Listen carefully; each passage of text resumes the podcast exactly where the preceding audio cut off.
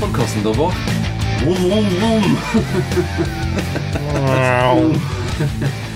For me, Tarjei. Ja, ja. Ja, We We're back. we're back. Uh, hjertelig velkommen til podkasten uh, Priest vs. Maiden. Bård. Takk for det, Tarjei. Og uh, hjertelig velkommen til vår eminente gjest i dag, som heter da Espen Rock Nørvåg Slappgård. Halla, halla. Hjertelig takk for at jeg fikk komme. Og uh, jeg har lyst til å understreke at han heter ikke Espen Rocky Hermetegn Nørvåg Slappgård, men heter faktisk FN Rock Nova Slappgård på ordentlig. Ja, i sommer tok jeg navnet Rock, fordi det er viktig å hete Rock når man elsker rock. Ja, det er bra. Det er bra. Jeg følger den eh, tankegangen der. Ja. Men, men Eh, nå, nå er det tatt. nå er det tatt. Og, og, Eh, og vi var inne på men det var eh, Espen ja. Rock som er tatt, og, men uh, du, du, du heter jo Heavybår. Ja, Når skal, skal du på, eh, på eh, navnekontoret og skifte Nei, navnet kanskje- til uh, enten Heavy Bård eller Bård Heavy Nordvik? Det heter du jo på, på Facebook. Ja. Nei, hvis Espen får det til, så, så må kanskje jeg òg Enklere enn du skulle tro. Det, jeg, det tok meg to-tre minutter på i edru tilstand, mind you, på eh, Altinn. Og må, må min mor skrive under? Ikke hvis du er over 18. Hmm. ok. Ja, jeg spør likevel, tror jeg først. Men eh, Ja. vi får komme tilbake til det. Veldig, veldig bra. Jeg har lyst til å bare introdusere Espen eh, litt. Han, for han er, det en eh, kar som eh, både meg og Bård har kjent i mange, mange år. Som vi eh, Vi er veldig glad i Espen, eh, det må vi kunne si, eh, Bård. Å ja. Å ja. Ja. Så det er vel eh, Det er vel 20 år eller noe sånt. eh, ish. Kanskje mer. eh, Ja, siden 20 år eh, pluss. 20 år pluss. Så Espen har jobbet i mange plateselskap eh, med, med band. Du er jo eh, redaktør for Metal Hammer Norge. Var det da det var på papir? Er det noe Ja. som det er på nett? Ja. Og så er du jo involvert i Radio Rock. Der har du jo hatt eh, Ukas kassett.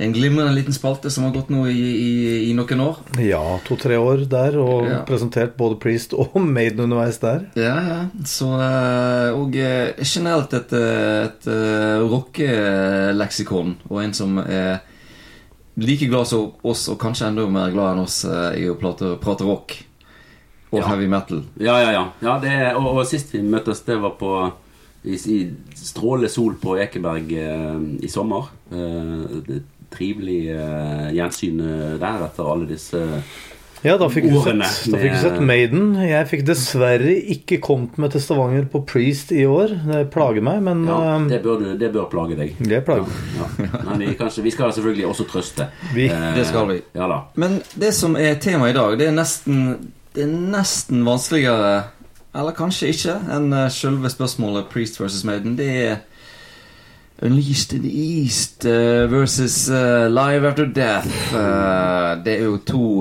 perler i, heavy metal-historien. Jeg vil si Kanskje ikke uten like, for vi har jo en del sånne store heavy live-album. Eksempel eh, Kiss Alive, som eh, løfter eh, Kiss, vil jeg si. Uh, var vel kommet et viktig punkt i karrieren og løfter det ganske masse. Ja. Vi har jo Live After Nei, eh, No Sleep til Hammersmith. ja. Som var det første Motorhead-albumet som gikk til nummer én i UK, så hvis jeg husker riktig. Mm. Uh, Live and Dangerous. Live and eh, Dangerous. Var jo med å hjelpe til Lizzie noen mm. steg videre. Så, det, så det er Livealbum, det, er- det viser seg jo at det har vært viktig for mange band. Mm. Eh, og det er jo naturlig at vi endelig tar opp disse, disse to. Ja. Men, men, er det sånn nå at det er, er de store livealbumenes tid forbi? Det er jo et eh, nesten Ja. filosofisk spørsmål, for nå er det Nå er jo Terskelen er så lav med, med, med livealbum, og, og det er jo ganske gode opptak på YouTube av alt mulig. Ja, det er det. At, Eh, for nå tar jo folk og lager sine egne liveopptak. eh, Og jeg bruker jo tilsynelatende mer tid på å filme enn å følge med på konserten, noe som er jo dypt eh, forstyrrende for meg. Men, eh, Men- men, men så- det er klart at da, før så var jo det eneste eh, måten Hvis du da ikke hadde sett de liveshow, så var jo dette måten å høre hvordan bandet kanskje egentlig låt. Ja, eh, jeg er jo eh, veldig glad i dette eh, bandet Clutch som jeg har vært inne på flere ganger. og Jeg har jo jeg har, jeg har kjøpt eh, Jeg har jo jeg har tre livealbum på vinyl som de har spilt inn i øvingslokalet sitt og streama live på, på internett i, eh, i denne covid-tiden. Så eh, kanskje det er blitt litt sånn Det er ikke, det er ikke så stas med livealbum, eller hva, hva tenker du, eh, Altså, et godt poeng der i forhold til de skivene som nevnes før vi går inn på kveldens, dagens, morgens, avhengig av når folk hører på det her. Det er jo ting som f.eks. da uh, Live in Japan med Deep Purple, og ikke minst en av mine store favoritter, Rainbow on Stage. Eh, for i sin tid så kunne man gjøre livealbum for det første til noe overindulgent greier hvor du både har gitarsoloer, trommesoloer, til og med vokalsolo i Rainbow-tilfellet. Ikke sant? Og du kunne som- Ikke bassolo. Nei, aldri. Men, men, men eksempel med Rainbow igjen, så kunne du ha premiere på en låt som først kom i studioversjon på neste album, som ikke var gitt ut ennå. Nå, nå, nå kan ingen gjøre sånt lenger, nettopp pga. filming og YouTube og Altså, man kan, men man gjør ikke fordi spenningen er borte. Den derre hva får vi høre-greier borte? Alle, meg sjøl inkludert, går inn på setlist.fm og sjekker hva får vi høre i kveld. Men så er det noen, f.eks. en Bruce Springsteen, som gjør at du aldri Eller sto, altså, noen som gjør at du aldri helt kan vite hva får du høre i kveld. Eh, Nå er det store blitt f.eks. da ACDC har gitt ut noe enormt fantastiske live-DVD-er, hvor alt er på stell, hvor du fortsatt får gåsehud når du hører låter du har hørt tusen ganger før, fordi du ser på det i hjemmesammenheng, og, og velkjente låter blir enda mer massive fordi fordi lyden er så bra at du, du, du føler du er med. Du er i salen. Eh, det må enten gjøre sånn, eller så må du gjøre noe helt eget hvor live-versjonene skiller seg såpass fra studioversjonen at det at det har noe hensikt å gi ut livealbum. Men der livealbum var på 70- og til en viss grad 80-tallet òg tror- jeg ser ikke den komme igjen, for nå, nå er det en annen type dynamikk som gjelder mellom band og, og publikum, og det må vi leve med. Men Men, men, vi, Ja. eh, vi kan eh, mimre. Ja, da, det, er jo, det er jo det. Vi Det gjør vi masse av. oss, vi koser oss i hvert fall med de som eh, er kommet ut, tenker jeg. Det kan være at vi ikke trenger flere eh, Ja, nye det- livealbum. det siste klassiske livealbumet, det, det, er nok, det er nok gitt ut for lengst. Ja. Det, det ble gitt ut sannsynligvis på 80-tallet, så kan vi La det være en annen diskusjon, men, Ja. eh, men jeg tror ikke det kommer et nytt klassisk livealbum på lik linje med f.eks. Unleashed in the East og Live After Death. Ja. Ok, Espen. Nå er vi jo kommet til eh, det punktet der det store spørsmålet som menneskeheten har stilt seg i uminnelige tider Hvem eh, liker du best? Priest eller Maiden? Ta din tid. Ta din tid. Nei, jeg har jo øh, fått lov til å forberede meg på det her Ja. i øh, fryktelig mange år. Fordi før podkasten her eksisterte, så var jo det her fortsatt, eller allerede, en, en, en debatt. Og da kan du se på det på to måter. Hvem er teknisk best? Hvem er, hvem er best til enhver tid i dag, etc.? Eller hvem griper hjertet ditt mest? Hvem griper sjela di? Hvem griper nøttene dine? Mm. Det er, den, det er den vi vil ha. Mm. Og åpenbart så er det klart Priest var først. Det er jo ingen tvil om. Maiden emulerte Priest da de kom. Til en viss grad. Maiden er definitivt størst nå. Har eh, holdt en ekstremt høy standard veldig, veldig lenge. Og det er internasjonalt en større spenning og sikkert glede også når et Maiden-album kommer, enn når et Priest-album kommer. Det er mer spenning blant flere, fordi Maiden er åpenbart større enn Judas Priest i år. I dag. Eh, begge har tabba seg ut. Vi veit hva vi snakker om. Ja da. Trenger vi ikke gå i dybden på. Det har blitt nevnt mange ganger før. Det er unødvendig å tråkke folk ned i søla. Men hvem er egentlig best? Det er Gud hjelpe meg så enkelt. Det er jo selvfølgelig Judas Priest. Du mener det, altså? Ja, ja, ja, Jeg noterer. Ja, vi noterer oss, eh, vi noterer oss det. Rett og slett fordi uh, i, i, I min bok, og det er det som, det, som utgjør den store forskjellen eh, Det går ikke på at den ene har bedre låter enn den andre. Det går ikke på at den ene har det ene teknisk sånn og sånn mer enn den andre. Men Judas Priest har hele veien hatt mer sjel enn Iron Maiden. I min bok så er det viktig. Altså, du kan si hva du vil om Maiden, og hver gang jeg ser Iron Maiden live, eller hører et Iron Maiden-album, så er det mitt favorittband gjennom tidene. Men hver gang jeg hører Juice Priest, så tenker jeg også at faen, de er bedre enn Maiden.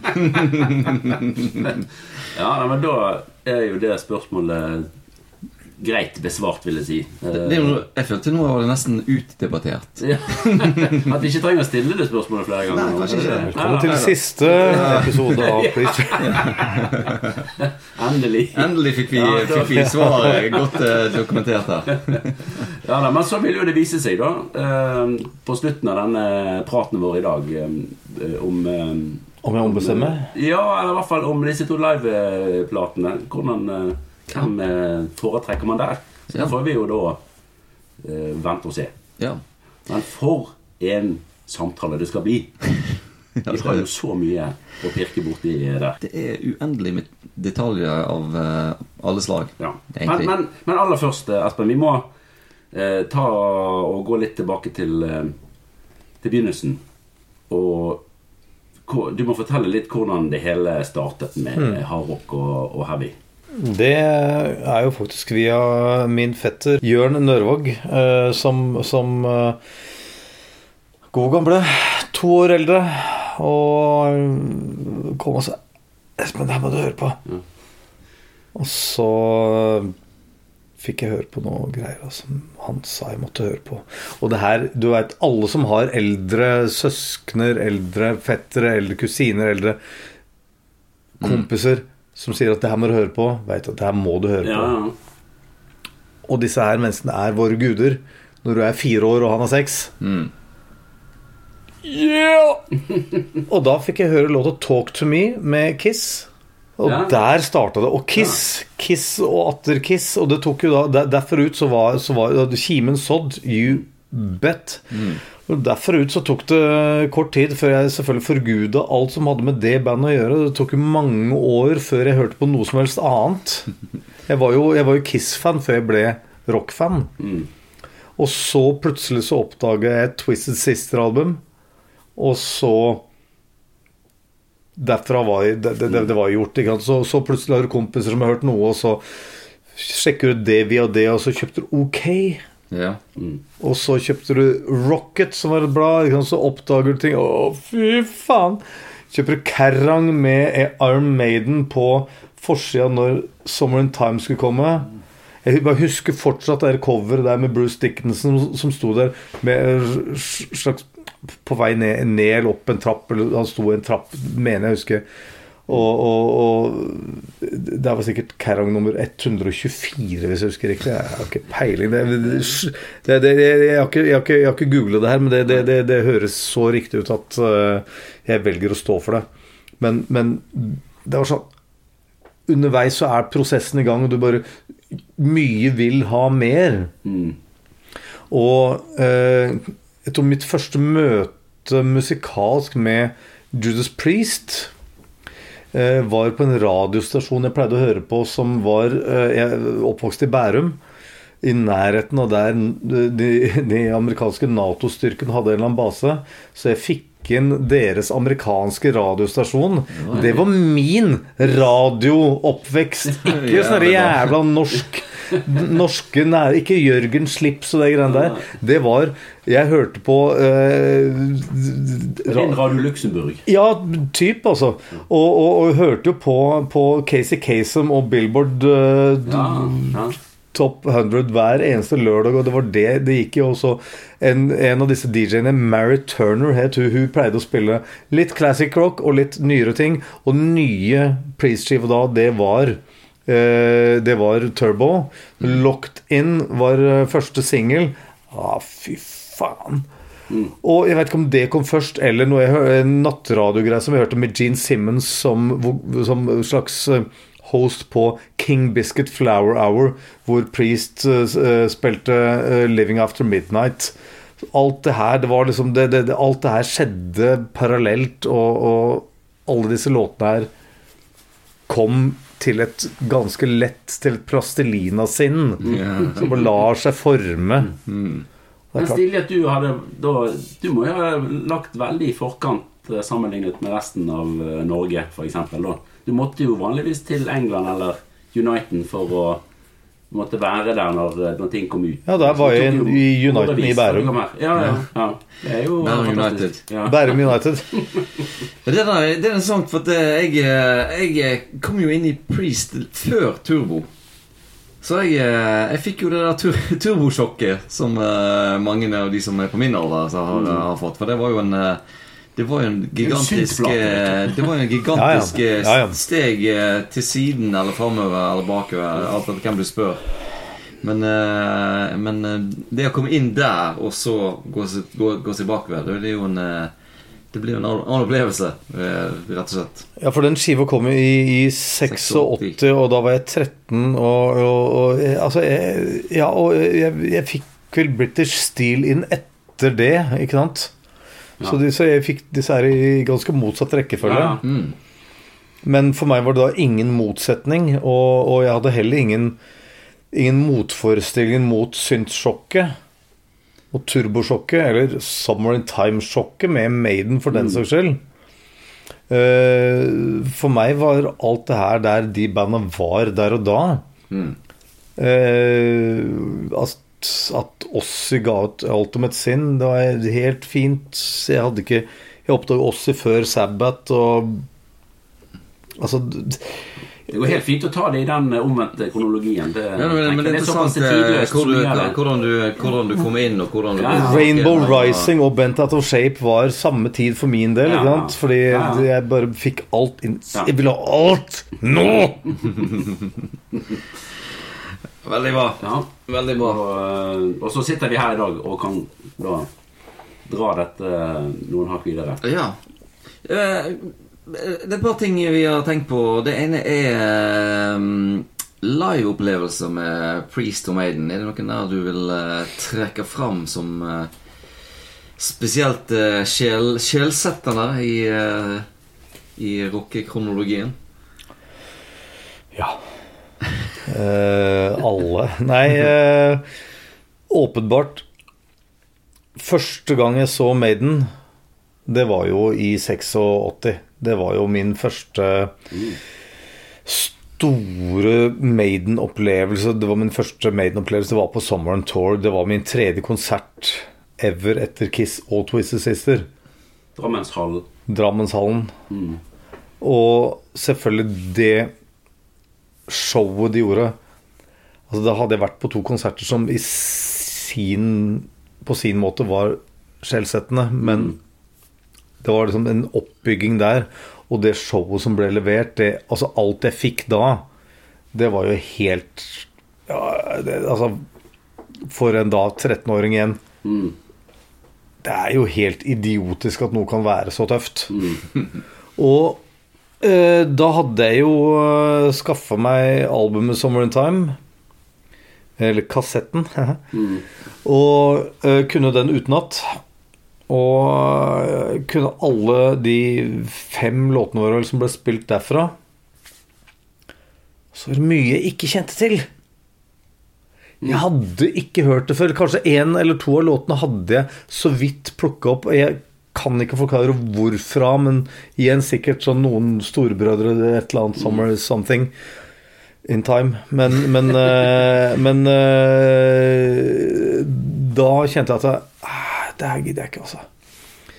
Så dagen etter så gikk jeg til mitt nærmeste OK-blad som jeg hadde. På baksida der så hadde disse annonsene for Svenska Skivklubben. Ja. Og så telte jeg opp hvor mye penger jeg hadde på uh, postsparebankkontoen min. Rød boken. Rød boka, ja. Og jeg hadde jo definitivt nok, så kjøpte jeg alle kassettene, men jeg måtte ringe disse her i Sverige for å spørre hvordan i helvete gjør jeg det her. Kuk- det, altså det, det her var jo Det her var jo vrient. Jeg, jeg var jo da fortsatt 13, ikke sant. Ah, faen, jeg, jeg, jeg bare sender, jeg sender cash i posten, jeg. Ja.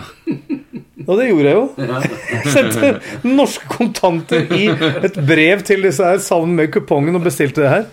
Og på et eller annet vis så ble ikke det her stjålet. da, Så vel, jeg, noen uker senere så fikk jeg en haug med kassetter levert til mitt lokale postkontor. Å, fy faen! Jeg fikk jo det her. Og hørte og hørte. Å, det her gikk jo i loop, ikke sant?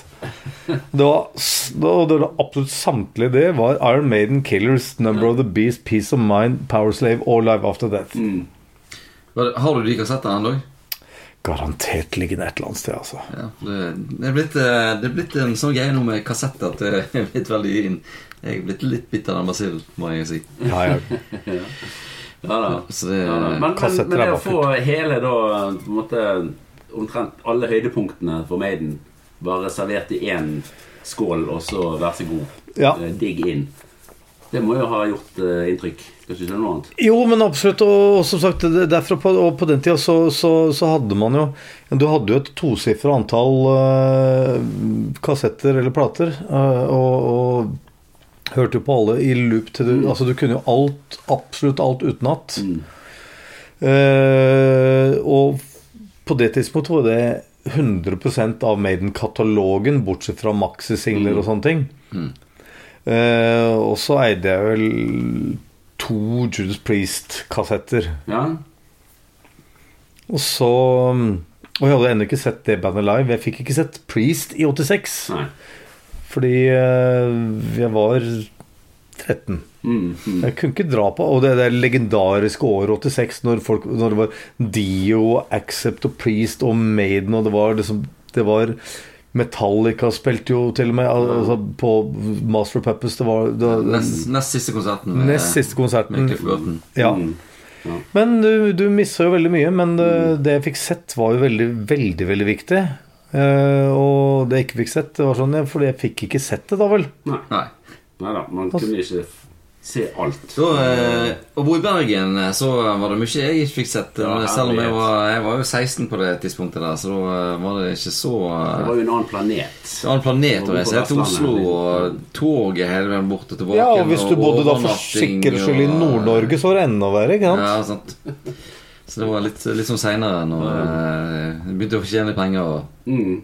Men, men, men Priest spilte vel aldri i type Drammenshallen, så den type venues i Norge, gjorde det? Det? Jo, jo, jo, Og det, jo, jo visst faen. På Turbo spilte i Drammenshallen, vel. Eh, Da jeg første gang så Priest, det var eh, på Ram It Down-turneen i 1988. Det var i Skedsmohallen. Ah, Og jeg husker bra. ikke om det var Drammenshallen eller Skedsmohallen de spilte da jeg ikke så dem. Nei. Men det er ikke viktig heller, Nei, fordi jeg så dem ikke. Men, men de hadde jo også hatt, veit jeg, flere runder i Norge, fordi Norge var veldig nære. Det var en båttur, og så, så de, de har spilt liksom i Hamar og altså de, Vi kan jo komme tilbake til det, øh, men, men jeg, jeg har jo, Jo da, men fått altså i Haugesund Ja, jeg tror de, karrieren. de spilte på et uh, ungdomshus i Kalfaret, visstnok. altså, jeg, det har vi snakket om at vi bør få, vi bør få en nøst opp i den komplette norgesturneen. Og jeg vet at det er noen som har jobba litt med det. Vi skal vel prate om mine samtaler med, med band eh, etter hvert, men Ja. jeg kan jo si at en ting som Rob Halford fortalte meg om en gang eh, En gang, den gangen jeg pratet med ham da på telefon, eh, det var jo at han, de hadde spilt i Hamar, tror jeg det var. De hadde spilt på et eller annet samfunnshus i hvert fall, og, og det var ikke en kjeft i lokalet. Og arrangøren sa bare 'gå på'. Ja, men det er ikke 'gå på'. De begynte å spille, Og sånn tre, to, tre, fire låter inn, så ramla det inn folk, og det Ah. endte jo opp med å bli stappfullt. Det var sånn det var. Ja. Det her er vi sånn på midten av 70-tallet, midten, slutten av 70-tallet. Så de spilte masse i Norge, de. Eh, og det var liksom turneer med fire, fem, seks norgeskonserter underveis, fordi det var båten over. Ikke sant? Newcastle er vel eh, Newcastle eh, Bergen? Eller Stavanger? Ja, ja. Og så, så er du i Norge, da, og da er det veldig enkelt. Da er det en buss som tar deg Ja. rundt omkring. Da. Jeg så forresten at nå er det noen som vil starte opp igjen Newcastle-båten. Det hadde vært stas. Ja. Da kunne rockeband fra Bergen eh, heve seg på Newcastle-båten og erobre Nord-England Ja, ja, ja. og, og, og nedover. Ikke sant? Så, eh, men da var det første eh, din første Priest-konsert var da slett uh, Ram It Down-turneen. Det var Ram It Down-turneen. Det var det. Det var jo, syns jeg, helt strålende. Det Hvem faen var det som var trommis da? Det, Det er jo Det var Er det Dave Holland. Fortsatt? det var, ja, det var det. Ikke sant? For det, Ja, her, ja, ja, ja, det, var, det var siste runde før uh, Scott Travis. Ja. Det var jo noe der med, med at de begynte jo å lefle litt med liksom programmering og sånt, eh, så vidt jeg har skjønt, på Ram It Down. Og, Jeg, jeg, tror det, jeg tror vi kan heller si at uh, mer enn å lefle at alle trommene på, på Ram It Down er programmerte. ja, ok. Ja, jeg, jeg syns det er så vanskelig å snakke om uh, sånt. Så derfor tør jeg ikke Ja. å, å Jeg- jeg du kan si, at Ram It Down er et uh, album som i etterkant har blitt mer utskjelt enn det fortjener.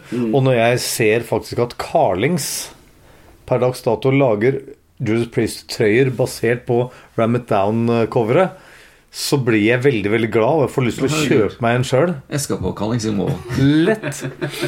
Fordi den, den skiva der har låta 'Hard As Iron'. Den har tittelsporet, da. Heavy metal. Den har ei låt som gjorde at jeg den gangen jeg var i band, og det varte ikke lenge, men jeg ville gjøre Johnny Be Good sånn som Judas Priest gjorde den. Og trust me, jeg gjorde det, altså. Jeg overtalte folka i bandet jeg spilte i, som var vi var mer på en Metallica Slayer-vib, men jeg fikk dem til å kjøre bare Å, vi skal gjøre Go, go! Ja, Det, ja, ja, det var det. Altså. får, uh, u, ja, ja. u, den får uh, ufortjent tyn, denne Johnny Be Good-versjonen. Av meg, blant annet. Ja, av, av mange. Men okay. Men for ikke, for ikke snakke om Blood Red Skies Ja, ja, Så vi ja, fortsatt ja, har ja. det i ja, det- Igjen, ja. Du tok Helt- tilbake helt- i ja, ja. settet ditt. Det er ikke favoritten min, men jeg kan forsvare den eh, ganske mye. Ja fordi at det, er, det er en det Ingen er måte en, mitt favoritt-Judas Priest-album heller, Nei. men det, det, det, er, det, er, det, er, det, det fortjener ikke nærheten av den tyn Men, Det er liksom Det er liksom en maskin Det er på en måte Birmingham-maskin som kommer enda tydeligere fram når de er trommene, er programmerte, syns jeg. Det er liksom den der eh, maskin som representerer alt som er imot deg. Samfunnet, de som nekter deg å elske den du elsker, og alt den, den, den, er, så, den er så tydelig Men det var på de bekostning av Dave Holland. Vi må tenke på hvordan han følte det. Og tydeligvis såpass at han eh, ga seg eh, da Eller ble bedt om å gi seg. eh. Kanskje, kanskje. Vet du hva, det, det, det her var jo det som førte til at uh, I så fall var det det som førte til at Judas Priest endelig fikk en stødig trommis. For det hadde du ikke hatt. Mm. Ever. Nei, og han er jo fortsatt i bandet eh, den dag i dag. Nettopp. Så det er vel eh, Så godt, ja, eh, ja. det var, jeg det vet var jeg er mange som sikkert er uenig med deg på. Altså, at uh, Ja, det ja, var at uh, Scott Men den er diskusjonen, den den tar vi. første stødige trommisen i Priest. Altså. mest stødig i forhold til tilstedeværelse. Det er jo ingenting som kan nektes på. Ja, ok, kanskje det, kanskje Du kan like stilen hans eller ikke, men han er jo den som har vært der lengst. ja, han, er, han, er, han er kjempegod, men eh, det har vært òg andre kjempegode trommiser. altså. Jo, men de forsvant jo. De forsvant jo. Det gjorde de. Ok, vi, vi trenger ikke ta den eh, diskusjonen, men, eh, Jo da, men, men jeg kunne ikke la den gå ukommentert. Fair enough. Ja, ja, ja. Men er, er denne Ram It Down-opplevelsen din beste Priest-opplevelse, eller er det en annen en som du vil trekke fram? Nei, jeg har øh, Med begge band så har jeg et par opplevelser jeg vil trekke fram som, som øh, Klart, første Maiden var kanskje den beste, men det er fordi det var så tidlig i min konsertkarriere. Men Maiden har, øh, Maiden har levert så til de grader, og det, og, og det er viktig også for alle som hører meg si at, at Priest er min favoritt av de to, så må de jo aldri tro at jeg ikke liker Maiden. Nei. Og seinest nå i sommer på Tons of Rock så var jo Maiden helt suverene. Men jeg tror nok at min favoritt Iron Maiden-opplevelse kan ha vært i Sverige, da de eh, kjørte den eh, Som ikke var innom Norge engang, eh, på, på Dance of Death. Ja. Og det er, en, en, en, altså det, det, det er vrient å velge, fordi Maiden har alltid levert bra live. Jeg syns de, de, var bra i Telenor Arena, selv om Telenor Arena ikke var bra. Altså det, er, det, er, det, er, sånt. Men, men, men, det er noen sånne triumferder de har gjort. Jeg har aldri fått sett Iron Maiden i hjemlandet dog. Så jeg skulle gjerne ha vært på en av disse Donington-rundene med bandet. Mm. Men, men det, er liksom Hver gang de er bra live Å, gud bedre Da er det ingen band som er bedre enn Iron Maiden. Mm. Bortsett fra men, men, det var da på Da var de på litt sånn eh, Egentlig litt sånn comeback-turné, eh, nærmest. Ja, da var de mellom comebacket og det store comebacket, ja, for å si det ja. sånn. Comebacket var jo på Brave New World. Ja, riktig, og så kom Dance of Death, som er et bedre album, syns jeg, enn Brave New World. Mm, det er enig Uh, og, og, men, men, men, men Brave New World, da var nyhetsinteressen. Bruce mm. is back. Yes. Uh, men, men uh, så var det jo større på mange måter. Jeg så dem også, det var, Der så de også i Sverige på uh, Matter of Life and Death-turneen.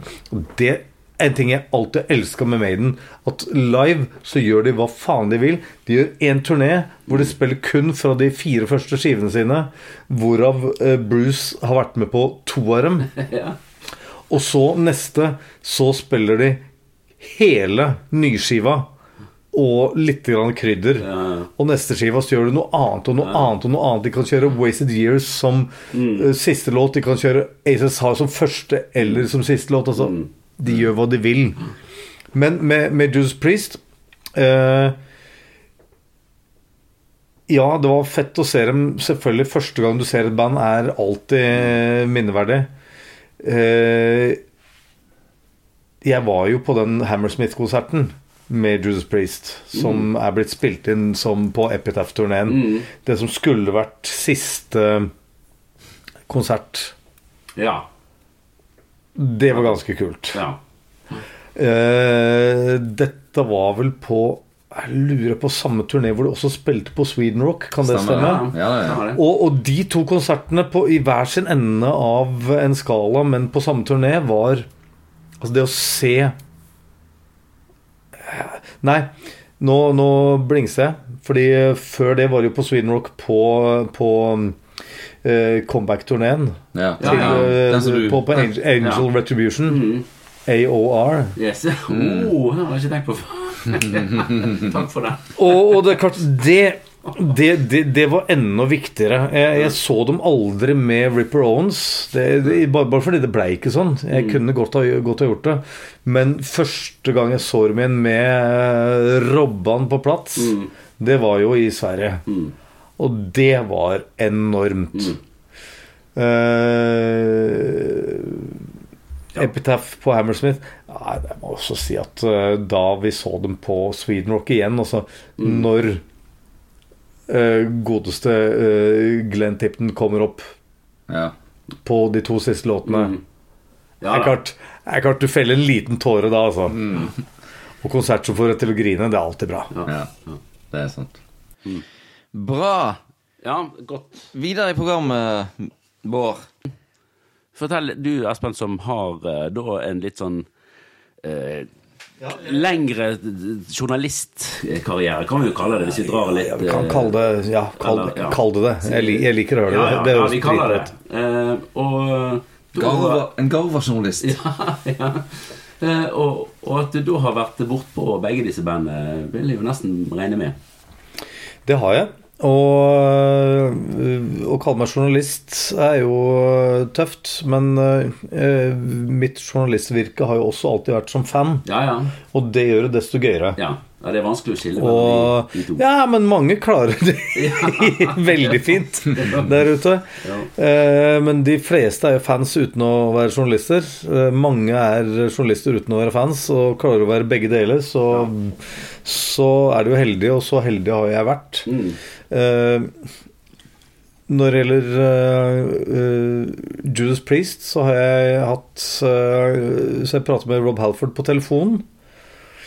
Og eh, det var eh, veldig tidlig da jeg begynte i Metal Hammer, og det var det, det jeg fikk som min første coverstory. Før jeg ble redaktør sjøl, og, og når første Rob Halford sier til meg på telefonen Hello, Espen! The metal furnace is on fire! og da har jeg for det første fått navnet mitt i trynet mitt av Rob Halford, pluss det sitatet der. Selvfølgelig, Han sier garantert det samme til alle, og han har lapp med navnet mitt foran seg, men det driter jeg fordi ikke alle har lappen med navnet ditt foran seg. Så to ganger til i løpet av intervjuet så sa han 'Well, Espen!' eh», Og det er så tøft for meg at jeg Herregud Jeg, jeg kom jo underveis. Man Men- men- smelter eh, godt da. Ja, ja, man smelter mer enn metallet i his ja. metal furnace. Ja, men det, det, det var jo enormt. Men, men det var han som da fortalte meg, som jeg nevnte i stad, om, om turene til eh, om det var Stavanger og Hamar, altså forskjellige steder han husker navnet på osv. Ja. Husker eller har det foran seg. Det driter jeg i. Det meste det han sier, er jo ting han husker. Navnet ditt, det trenger han ikke huske, for han prater med en million folk. Og det at han sier navnet mitt likevel, gjør jo at jeg blir ekstra velvillig innstilt. Men, men, men eh, storyene er jo der. Storyene er ting han husker, for han var jo der. Og han var jo aldri coked out of his head. Han var jo aldri drita til de grader at han at han ikke husker del av livet sitt. Ikke sant? At han ikke husker den dagen eller den helga eller den albuminnspillinga. Det driter jeg i. Men han husker jo turneen, han husker og, og, og han har en karisma som gjør at jeg bare tenkte Faen, jeg er så heldig som får prate med det mennesket her. Uh, og andre gang an, Mitt andre Juice Priest-intervju Det var på Oslo Spektrum. Da var det uh, Ian Hill og Richie Faulkner jeg prata med. Og de to også var jo helt fantastiske. Og det er liksom å få den ene som har vært med alltid, Mm. absolutt alltid, og den andre som vi ikke visste ennå da i hvor stor grad skulle redde Judas Priest. Godt poeng. Mm. Fordi eh, han var jo med bare egentlig på, på det som skulle være siste turneen, Ja, ja. og, og, og kanskje siste skiva, men så, så, så sa de Og, og, det syns jeg er fair å si når de i etterkant melder at ja, vi skulle legge opp, men så syns vi det er så kult nå at vi gjorde ikke likevel. Er det greit, eller? Ja. Så, vi har mer musikk i oss fordi han fyren her kom faktisk og ble en del av bandet og inspirerte oss. Er det greit? Og når de gir ut Firepower, så ja, vi veit alle at det var greit. Men, men han sitter der med solbriller på inne. Det er greit i etterkant, fordi Ja. det vi sa Det ble sånn det ble. ja, det ble som det. Men, men, men, men uh, På vei ut fra det intervjuet, som var jævlig gøy, og, og veldig, veldig kult å få høre Old and New Mm. Priest sitte og prate med meg i samme rom som meg er i samme rom som Judas Priest. Altså Jeg er fortsatt så fanboy at jeg syns det bare er helt amazing. Og jeg klarer likevel å stille noen fornuftige spørsmål og, og, og få eh, kommentarer på det. Og i etterkant så har jo det blitt mer, mer priest og mer priest og mer priest. Det er jeg enda gladere for. Men, men, men det, det, det var flott å få, den, å få den dynamikken mellom de to, for det er så tydelig at eh, han ene er så fan av han andre. Ja. Men han andre er også så glad i han ene. Det, er sånn, det, det, det, er, det er gjensidig respekt. Det er, ikke, det, er ikke en, det er ikke en liten ung jypling som bare sier at 'jeg er best'. Det er en ung jypling som sier at 'fy faen, jeg er heldig'. Og så er det en eh, eldre Herman som sier 'dude, du er bra, du'. Og You nå did good, son. ja, ja, litt der. Men, men på vei opp fra det intervjuet, på vei opp tilbake blant uh, crowden, så, så går det en uh, gud forbi meg ned trappa. Ja, jeg bare lurte på å, Skal jeg si hei? Jeg elsker deg, Rob Balford. Men han gikk i, i slåbrok og ikke i eh, Altså, han var, han, han var i sine egne tanker. Jeg kjente Men skin, skinnslåbroket, håper jeg, da. Det var- det var metal-slåbrok. så ja, det skjedde. Men og, og, når det gjelder Maiden, så har jeg hatt eh, to eh, Bruce-opplevelser. Det ene var jo en, en ikke-Maiden-opplevelse. Det var eh, da Bruce hadde vært i Oslo for å holde en forelesning eller sånt på Ja. BI, sikkert. Og så skulle han venn, vennskapskamp i fekting mot Ja. han eh, norske mm, sølvmedaljevinneren. Ja. Nede på Bygdøy fekteklubb. Mhm. Eh, og jeg fikk vite om det her på forholdsvis kort varsel, og jobba heldigvis såpass nære at jeg bare kunne Ja, ja, ja. På- ja. Det tror jeg jeg husker, faktisk. Det er Ja, bilder og sånt fra, Yes. fra det. Ja. Mm. Og dro dit og så dette her, og det var noen eh, fekteklubbfolk der, og noen få eh, Maiden-fans. Og så var det én som kunne stille spørsmål der. En eneste person som kunne stille spørsmål, fordi det var åpenbart han ville ikke prate om Iron Maiden. Nei. Det visste vi. Så jeg, kunne jeg, jeg, jeg fikk lov til å ta bilde med ham etterpå, men jeg, og fikk til og med noe greier signert. Men han som kunne stille spørsmål, det var en person fra NRK Sportsrevyen. ja. Og det er gøy. Men andre, andre gangen da, da, da, da, skulle Book of Souls komme, Mm. og jeg hadde fått lov til å, å, å få høre den uh, i, i forkant, og jeg lot meg fly til London og, Ja. og fikk 45 minutter med Bruce Dickinson på et uh, hotellrom. Ja. Og det var en mann som uh, var akkurat så karismatisk og trivelig som man Ja. skulle ønske seg. Virkelig, altså. Mm. Så øh, jeg vil si uavgjort på intervjufronten. Mm, Det er en som Yeah, the metal fur! Og så er det en som er mer tilbakelent. Mm. Men, men begge to. Jeg, jeg, er en, jeg er en heldig mann. ja. Du, jeg, Før vi går videre, så eh, jeg, eh, jeg tenker litt på KK Downing for tiden, jeg. Og jeg tenker litt på den der uh, Hall of Fame-greiene. Og jeg tenker litt sånn der eh, ja, Kunne det ikke vært sånn at uh, plutselig så møtes de der, og så er det sånn der eh, Jeg vet hva, nå er det Water Under The Bridge. KK. Mm. Bli med oss. Kanskje de kjører tre gitarister uh, med, med, med, med disse her nye, da, og med ekstra Glenn. Men jeg vet ikke, har du noen eh, synspunkt på, eh, på denne her eh, KK eh, Situasjonen, skal vi kalle KK det. eh, KK The KK took my priest away. The KK crisis. Ja. Ja. KK Doney took my priest away. Um, ja, ja, ja, ja, jeg har det. Eh, han forlot bandet eh, og ble sur fordi han ikke ble invitert tilbake. Eh, hvis du gjør det slutt med kjæresten din og sier 'nå vil jeg ikke være sammen med deg lenger', og kjæresten din ikke sier 'kom tilbake', så er det ingen grunn til å være sur. Og det er det som har skjedd, og ikke minst fordi han var så vokal i sin uh, avskjed at Kom igjen, da. Ha litt Ha litt grann stolthet. Ja. Og, og, og jeg tenker at ja, jo, på et eller annet tidspunkt så tror jeg at det blir en, øh, en reunion, fordi tiden leger alle sår, og alt kan komme til å skje. Men, men igjen, når han gir så klar beskjed om at nå er jeg ute av bandet, nå er jeg så jævlig ute av bandet, og så får de inn en ny person, Ja. og han sier Ja, men hvorfor spurte ikke meg? Kanskje fordi du sa du var ute av bandet, da, vet du. ja altså, Men hans argument er jo sånn, at eh, eh, Rob Halford var ute av bandet, og så eh, Han slutta jo. Mm. Han fikk komme tilbake igjen. Men ikke KK.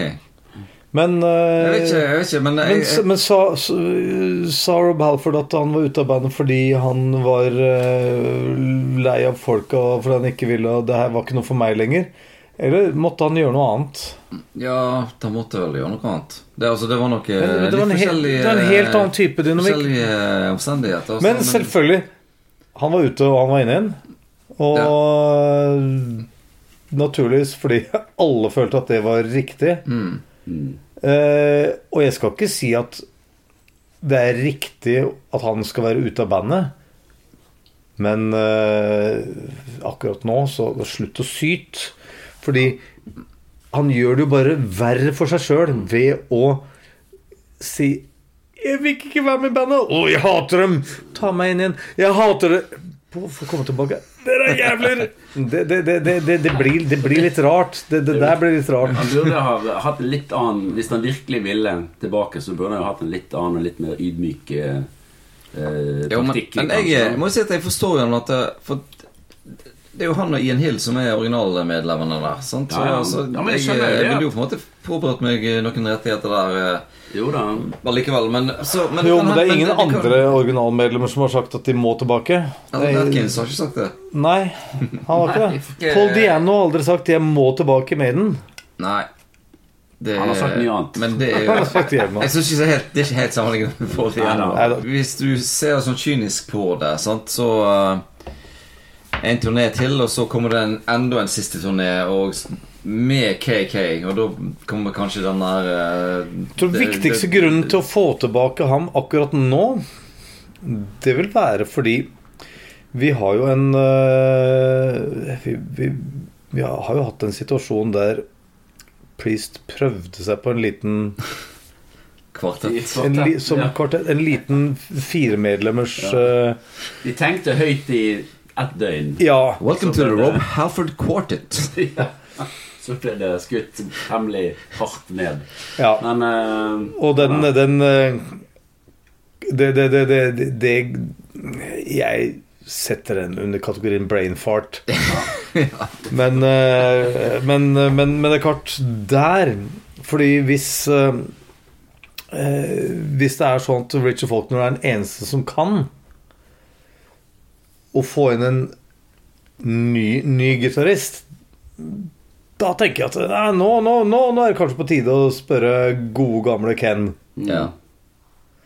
Men jeg, jeg, jeg, jeg har tenkt sånn eh, tre gitarer i Priest. Det hadde jo ikke gjort noe egentlig hvis, det, han, hvis de har veldig sterke følelser for Andy Sneap. si.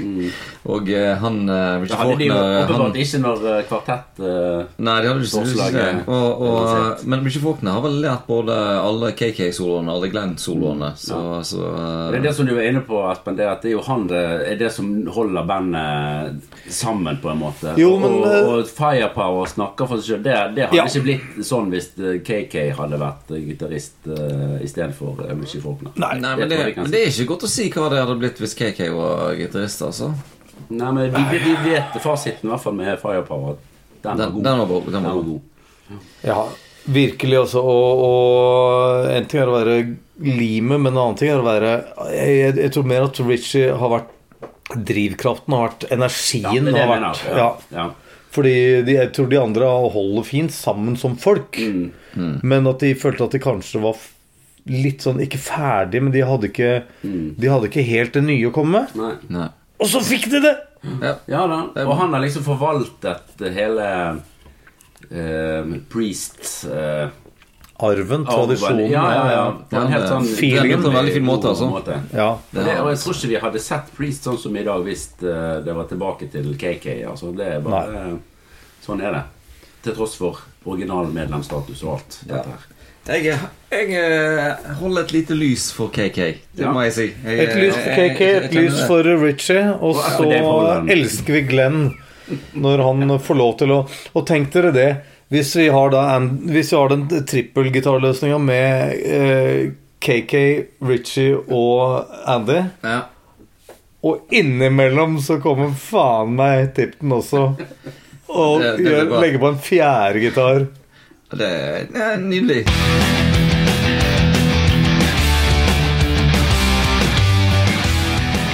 Nå skal vi høre deg i leksa, Espen. Nå er det topp tre av uh, Priest og Maiden. Eh, og favorittalbumet med Priest of Maiden. Og Var det vanskelig å velge, eller gikk det greit? Nei, det er helt umulig. Ja. Det vet vi Det pleier å være det. Det pleier, ja. Det, skal, det, det må være det. Men eh, Ja. vi må jo likevel bare få noe. Det er jo det som er litt morsomt, da. Så får vi noen eh, navn på blokken. Og så Og så uh, er jeg spent på om Sexy Teeth er, i topp tre. Ja. Ja, hva vil du ha først? Er det album eller låt? eh, vi, eh, jeg har skrevet Priest først på notatene mine, så da tar vi Priest. Ja, låt eller album? Vi tar uh, topp tre låter først, og så albumet til slutt. Vi begynner på nummer tre.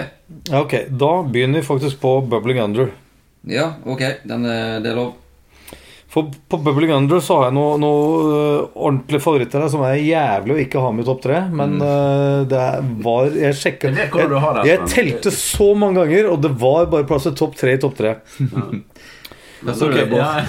Nummer, altså, og det, nummer én sier jeg bare i, i, i, den rekkefølge, i alfabetisk rekkefølge når det gjelder uh, Bubbling Under. Alfabetisk rekkefølge nummer én, uh, Bubbling Under, Breaking the Law. Uh, nummer to, Bubbling Under, Judas Priest, Last Rose of Summer.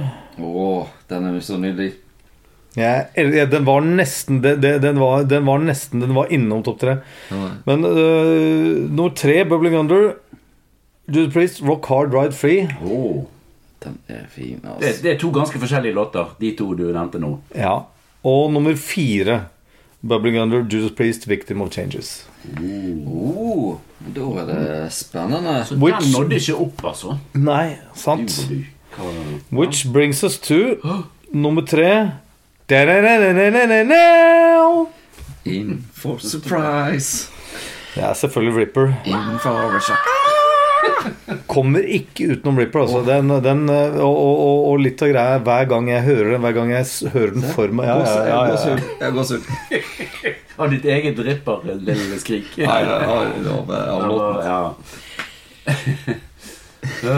Gode opplevelser. Nei, det, det, det alt er bra, men den skriket er jo det viktigste her. Men riff Alt her Og når du begynner å gynge, når Ja. selve greia når gongen kommer Ja, ja. det, er, det er magisk. Det er så magisk. Det er en Ja. låt de burde spille alltid live.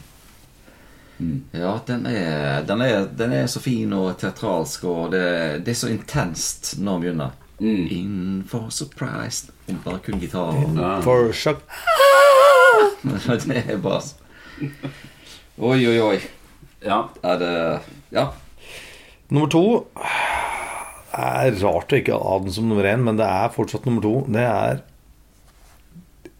på mange måter den ultimate Priest-låta. Og Det er også mange som ville sagt at Breaking the Law er, men det er egentlig Metal Gods Mm. som er den ultimate Priest-låta om Priest. Altså hele det gyngeriffet, hele, hele stemninga.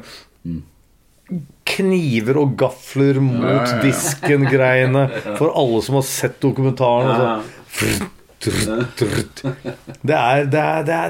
det er så rått. Og, og første gang jeg hørte låta, og andre gang jeg hørte låta Altså På eh, På British Steel, på eh, Priest Live, og hver gang du hører en live åh, Jeg sikler som Homer Simpson etter donuts, altså. Og når Rob Halford eh, tar den der uh, Riktignok har den uh, robot-marchen hans blitt eh, litt eh, Ja, ja, ja, ja. Litt mer sedat med årene, altså, men eh, den er jævlig bra, altså. Ja. Og spesielt på den der eh, eh, Live Vengeance-greia fra Ja, ja, ja. Der Han drar liksom beina helt opp, og så bare Du, du hører det liksom på opptaket. Ja. Bam! Bam! Ja. Pluss selvfølgelig setningen 'We're taking too much for granted' aldri har gått ut av dato. Derimot setningen 'From techno seeds we first planted' Ja. For det var, det het ikke tekno, det var noe annet som ble hetende Men Ja, den er kanskje blitt mer aktuell. Nei, men altså jeg, nei, men jeg, jeg mener at den uh, handler jo om hele den der uh, eh, jeg, jeg, jeg digger jo egentlig maskinlæring, kunstig intelligens, men den er jo superaktuell. Sant? For Ja. Technoseedsene som vi plantet, det var jo datamaskiner som kom for 50-60 år siden. Og at de får a life of their own. Sant? Det, er jo, det snakker vi om nå, at nå har liksom uh, kunstig intelligens blitt aware their own existence. Så den er jo superaktuell. Men det er jo ingen tvil om at Priest er metal gods. Nei. Det er det ikke. Det er Har, har dere skjønt hva som var nummer én da, eller? Jeg eh, har eh, Jeg har en eh, teori, ja. Hmm, jeg vet ikke om jeg tør å Eh, Kan det, være, kan det være det jeg sendte deg på tekstmelding en, en morgen eh, etter vi har vært på Sweden Rock og sett eh, Priest eh, sammen? Du, øh, kiler min uh, Både en ene og det andre her, Hvis det eh, har noe med Sworn to Avenge å gjøre? Å ja, nei. nei Ikke klar. den? Ikke det Sentinel? Ok, det var det. jeg trodde det var Sentinel. Nei. Uh, nei, vi er, vi, vi, vi er på På den derre gode gamle giganttrommer. Så gitar. Og så Living After Midnight. Og så ikke Living After Midnight. Og heller ikke Painkiller. På Exciter. Exciter. Ah. Yes. Ja. Stille i trommel, tror jeg. Og noe jeg elsker som DJ, det er jo å, å, å, å, være nerd. Og, og, og spille da en låt med Exciter, og så spille Exciter med Kiss, og så spille Exciter med Priest. men men den, den låta er så Altså, alt med den Den, den trommeintroen og det riffet som kommer Ja, det var fete trommer og gitarer på Painkiller også, men det er jo egentlig bare Exciter Light, altså. Ja, det er nesten det, altså. Ja, det Se, er ok, det er dårlig gjort å si, fordi det var å viste hvordan de var på, på høyden, og viste alle fingeren som sa at metallen, metallen er død. Men Exciter eh, ikke overgått. Verken før eller siden. Nei, og den eh, satte jo standard for uh, en helt ny tid. Altså, det, det har Priest gjort opp gjennom hele greia. De satte standarden for at uh, Ok, dette her er metal. Dette her er metal. Dette her er metal. Og så senere Dette er lov i metal. Ja. Dette er lov. Vokalen til Rob Priest. Halford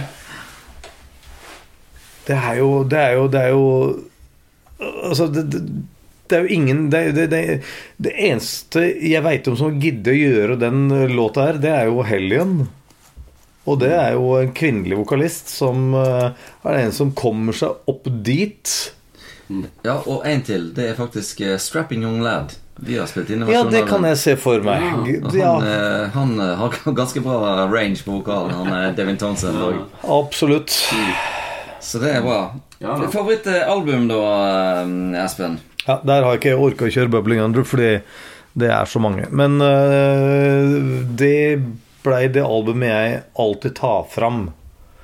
Og uh, altså Det er ikke det mest klassiske av albumene, men det er skive som er litt sånn underdog-skive. Jeg liker underdogs. Men Sin After Sin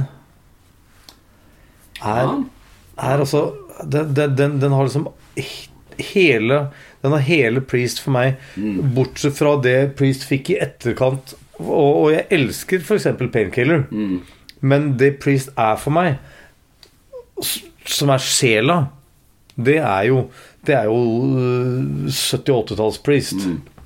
Og, og det er derfor jeg mener at de har sjel. Og Sin After Sin Den begynner jo med låta 'Sinner', som er en nedtona exciter på sett og vis. Ja, ja. Og den har eh, låter som Starbreaker. Den har en låt som Dissident Aggressor, som tross alt Slayer har covra. Den har en av mine igjen underdog-favoritter, Last Rose of Summer, som er en av de vakreste låter ever, uansett kategori, uansett sjanger. Ja, jeg elsker den låten. Altså. Den har jo Diamonds and Rust. Og den har et mystisk cover, og det, alt er på stell der, altså. Og eh, så er det jo det hele dette Denne åpenbaringen vi fikk i av den første gjesten vår om den her eh, kon- At andre siden på Sin Sin er et konseptalbum. Det er et mini-konseptalbum i, uh, i, i albumet. Det er òg det, det, har- det har på en måte Jeg har alltid likt det, men det har på en måte økt nytelsen betraktelig. uh, å se de fire låtene der i sammenheng. Ja. Ja, da, det, jeg har gitt en Vi må nesten puste litt ut dette dette, dette sett. Men vi må videre, og vi må høre eh, Det var disse tre eh, topp top tre Maiden. Ja. Igjen, Bubbling Under. Ja. Får prøve å ta det også eh, alfabetisk. Eh, skal være enkelt. Nummer én, eh, Bubbling Under, Iron Maiden. Aces High. Jaså? Men du sa ikke Armaden-låten som Bubbling Under? Så Ja. du sa Nummer én av Bubbling Under-låtene med Iron Maiden. Ok, jeg tror du sa Iron Maiden var en av de bubbling. Nei, Iron Nei. Maiden Ja, da stikker jeg, jeg ut. Nummer én, Bubbling Under med Iron Maiden, er Aces High. Ja. Fordi du kommer jo ikke utenom den låta. Nei, den er vanskelig å komme utenom. Ja, ja. Eh, Absolutt. Som første eller siste låt. I år Ja. var den siste låt. ja. Perfekt, altså. Mm. Men likevel. Den bobler under for meg, fordi det fins de, de, de har jo en Mm. anselig katalog. Nummer to, uh, Bubbly Under med Iron Maiden, for meg er uh, Coats Nei, er uh, Sorry. Er Empire of the Clouds. Å, Ja vel. Såpass Ja. er vi og Ja. Jeg, Ja, ja. Den låta her fikk jeg så gåsehud av fra første gang jeg hørte den, og det er kun noen dager siden siste gang jeg hørte den, og tok den fram bare Fortsatt, altså. Jeg elsker jo at låta er 18 minutter og 1 sekund lang, fordi jeg er født 18 i første, så 18.01, det er tøft. Men, eh, men, eh, men, men, men likevel, det er for meg ikke et overflødig sekund på den, så ta den! Eh, enkelte av dere som veit hvem dere er, som elska den da den kom, og dere prater dritt om den nå. Den nytter ikke, altså. Den låta er den, den, Å å- å- komme og skulle gå tilbake på sine ord Nei, vet du hva, Den låta er minst like bra nå som da den kom. Mm. Det, det mener jeg. Og Men er, stemmer det at Bruce Dickinson hadde At det var liksom resultat av, av han som sitter og klimprer på piano for nesten sånn første gang i sitt liv? eh? Ja, pretty much. Men, eh, men mer det at han eh, skulle instruere et orkester og eh, Ja. Og sa Kan du ikke gjøre noe sånn nø? Og så sa de eh, Hæ? Vi, vi trenger noter. Ok, I need a guy. Så, så han måtte få noen til å transkribere det her. Ja, ja. Fordi orkesteret de, de snakker ikke Nei. musikk, de snakker De, de, de leser. Ja. Uh, og samme omtrent samme feelingen fikk jeg på første låt på, på, på den eh, skiva. Og, altså det er en, Og den skulle også vært på, på soloalbumet hans. Mm. Men oh, ja. ja, ja. Okay. Så Så den er eldre, den, altså? Det er et soloalbum som ikke fins. Ja, ok. som ikke har kommet. Ja, skjønner. Men eh, Nei, ja, nei det er på, på, på et nytt soloalbum Mhm. som eh, Ja. vi får håpe kommer. Men, eh, men who cares? Altså, Mm. det er, det er, det er mye bra her Ja. som, som er på vei. Mm. I mellomtida har vi jo fått Ja. Senjutsu i stedet, så Men av alle Maiden sine episke låter, så er det jo litt sånn episk episkhet Ja. i den. Men så Ja, er det jo dere- også en, en historie der som er kanskje mer gripende enn Det er det veldig mange andre låter. Da, som er litt sånn kanskje mer historie... Ja, eller til og med altså, Rhyme of the Ancient Mariner kunne vært her. Mm. Da har jeg allerede røpt at den ikke er her. Men uh, den er jo Der har vi jo det, det- litterære. litterære. mm. her er jo noe som har skjedd i virkeligheten. Mm. Ja. Det blir Så, litt ja, ja, ja. ja. Men ok. Uh, Låt nummer tre, 'Bubbling Under'. Vi er fortsatt på 'Bubbling Under'. Eh, det er 'Moonchild'. Mm. Og låt nummer fire, 'Bubbling Under', Iron Maiden. Ordentlig underdog! Tailgunner. Oi. Jeg elsker riffet, jeg elsker refrenget, jeg elsker alt ved denne låta her. Ja. Fantastisk låt. Mm. Jeg vil ha den tilbake i livesettet. Greit for meg. Ja. Så er vi på topp tre, da. Ja. Tredjeplass. Da skal komme se på listen nå. Ja. Tredjeplass. Uh, første låt jeg noensinne så Iron Maiden fremføre live. Caught Somewhere in Time. Det riffet, det gir meg ikke bare stå pels, altså. Ståpels og liggesår i et eh, Ja, det ga, det ga kanskje ikke mening. Nei, men, men det er Toppers liggesår. Men eh, det er jo fra et album eh, som er veldig bra. Ja. Og, og eh, Og som ja, mange nordmenn har som Ja. sitt første Maiden-album. Meg inkludert. Ja, nei, jeg er inkludert. Ja, ja. Det var det første jeg kjøpte uh, når det kom ut. Mm. Ja. Men jeg hadde hørt det Hadde hørt det før. Mm. Uh, andreplass for min del, det Da er vi tilbake på forrige vokalisten. Det er den eneste jeg har med. Det kunne vært flere, men det, det er jo Rathchild. Mm. Den, eh, den, den blir aldri lei. Aldri. Ja, Den har en god energi. Altså. Mm. Det er vel nærmeste Iron Maiden noensinne har kommet til en låt som er sexy. Ja, kanskje det. Mm. Har er litt sånn eh, en, en groove som er med Ja. et lavt eh, tyngdepunkt eh, Det er jo et helt Det er jo eneste låten som har den på en måte rytmen i Det er seg. veldig, det er, det er veldig Eksisterende, få. Maiden-låter jeg kunne pult til, for å si det sånn. ja. ja. Kåt en gang i timen.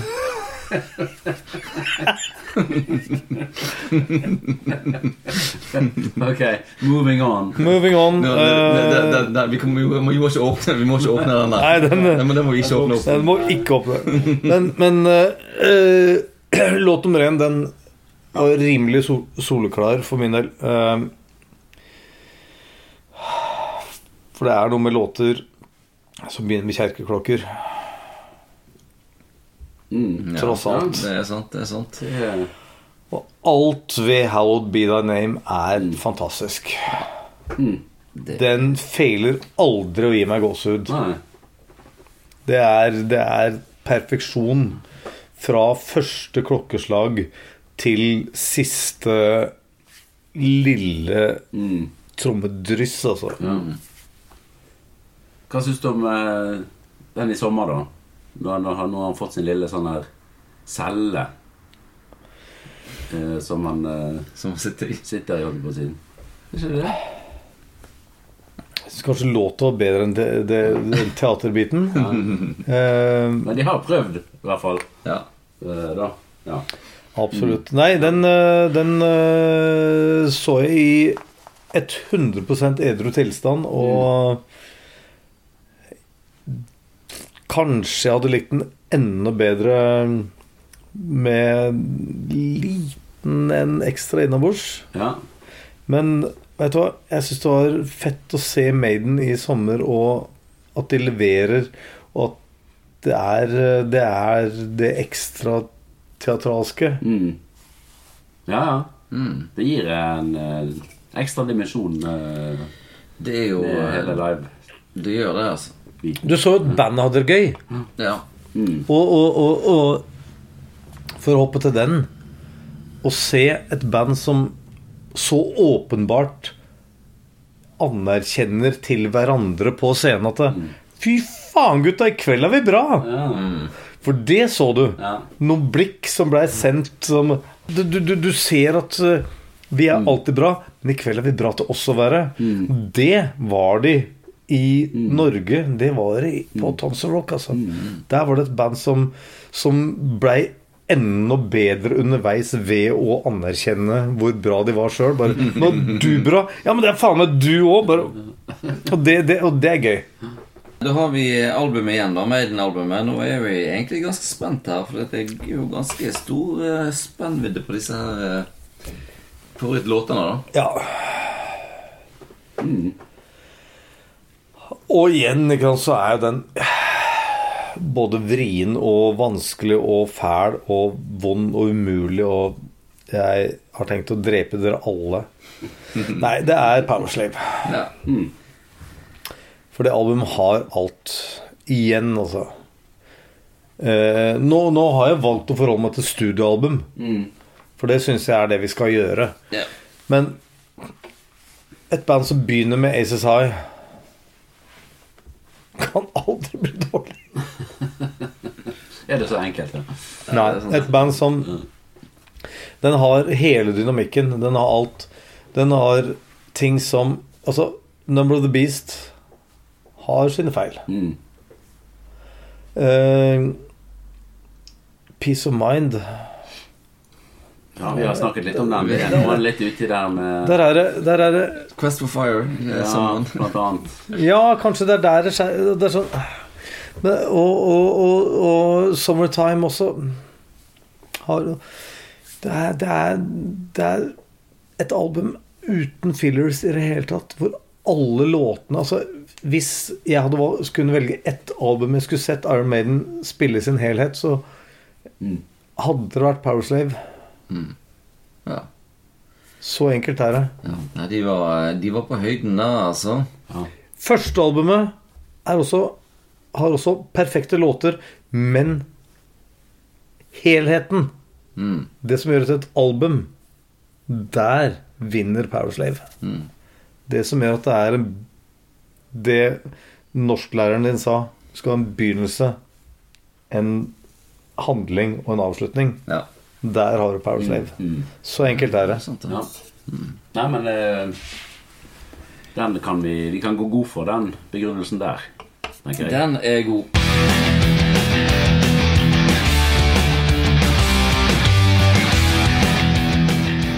Unleashed Least um, Versus Live After Death. Yes.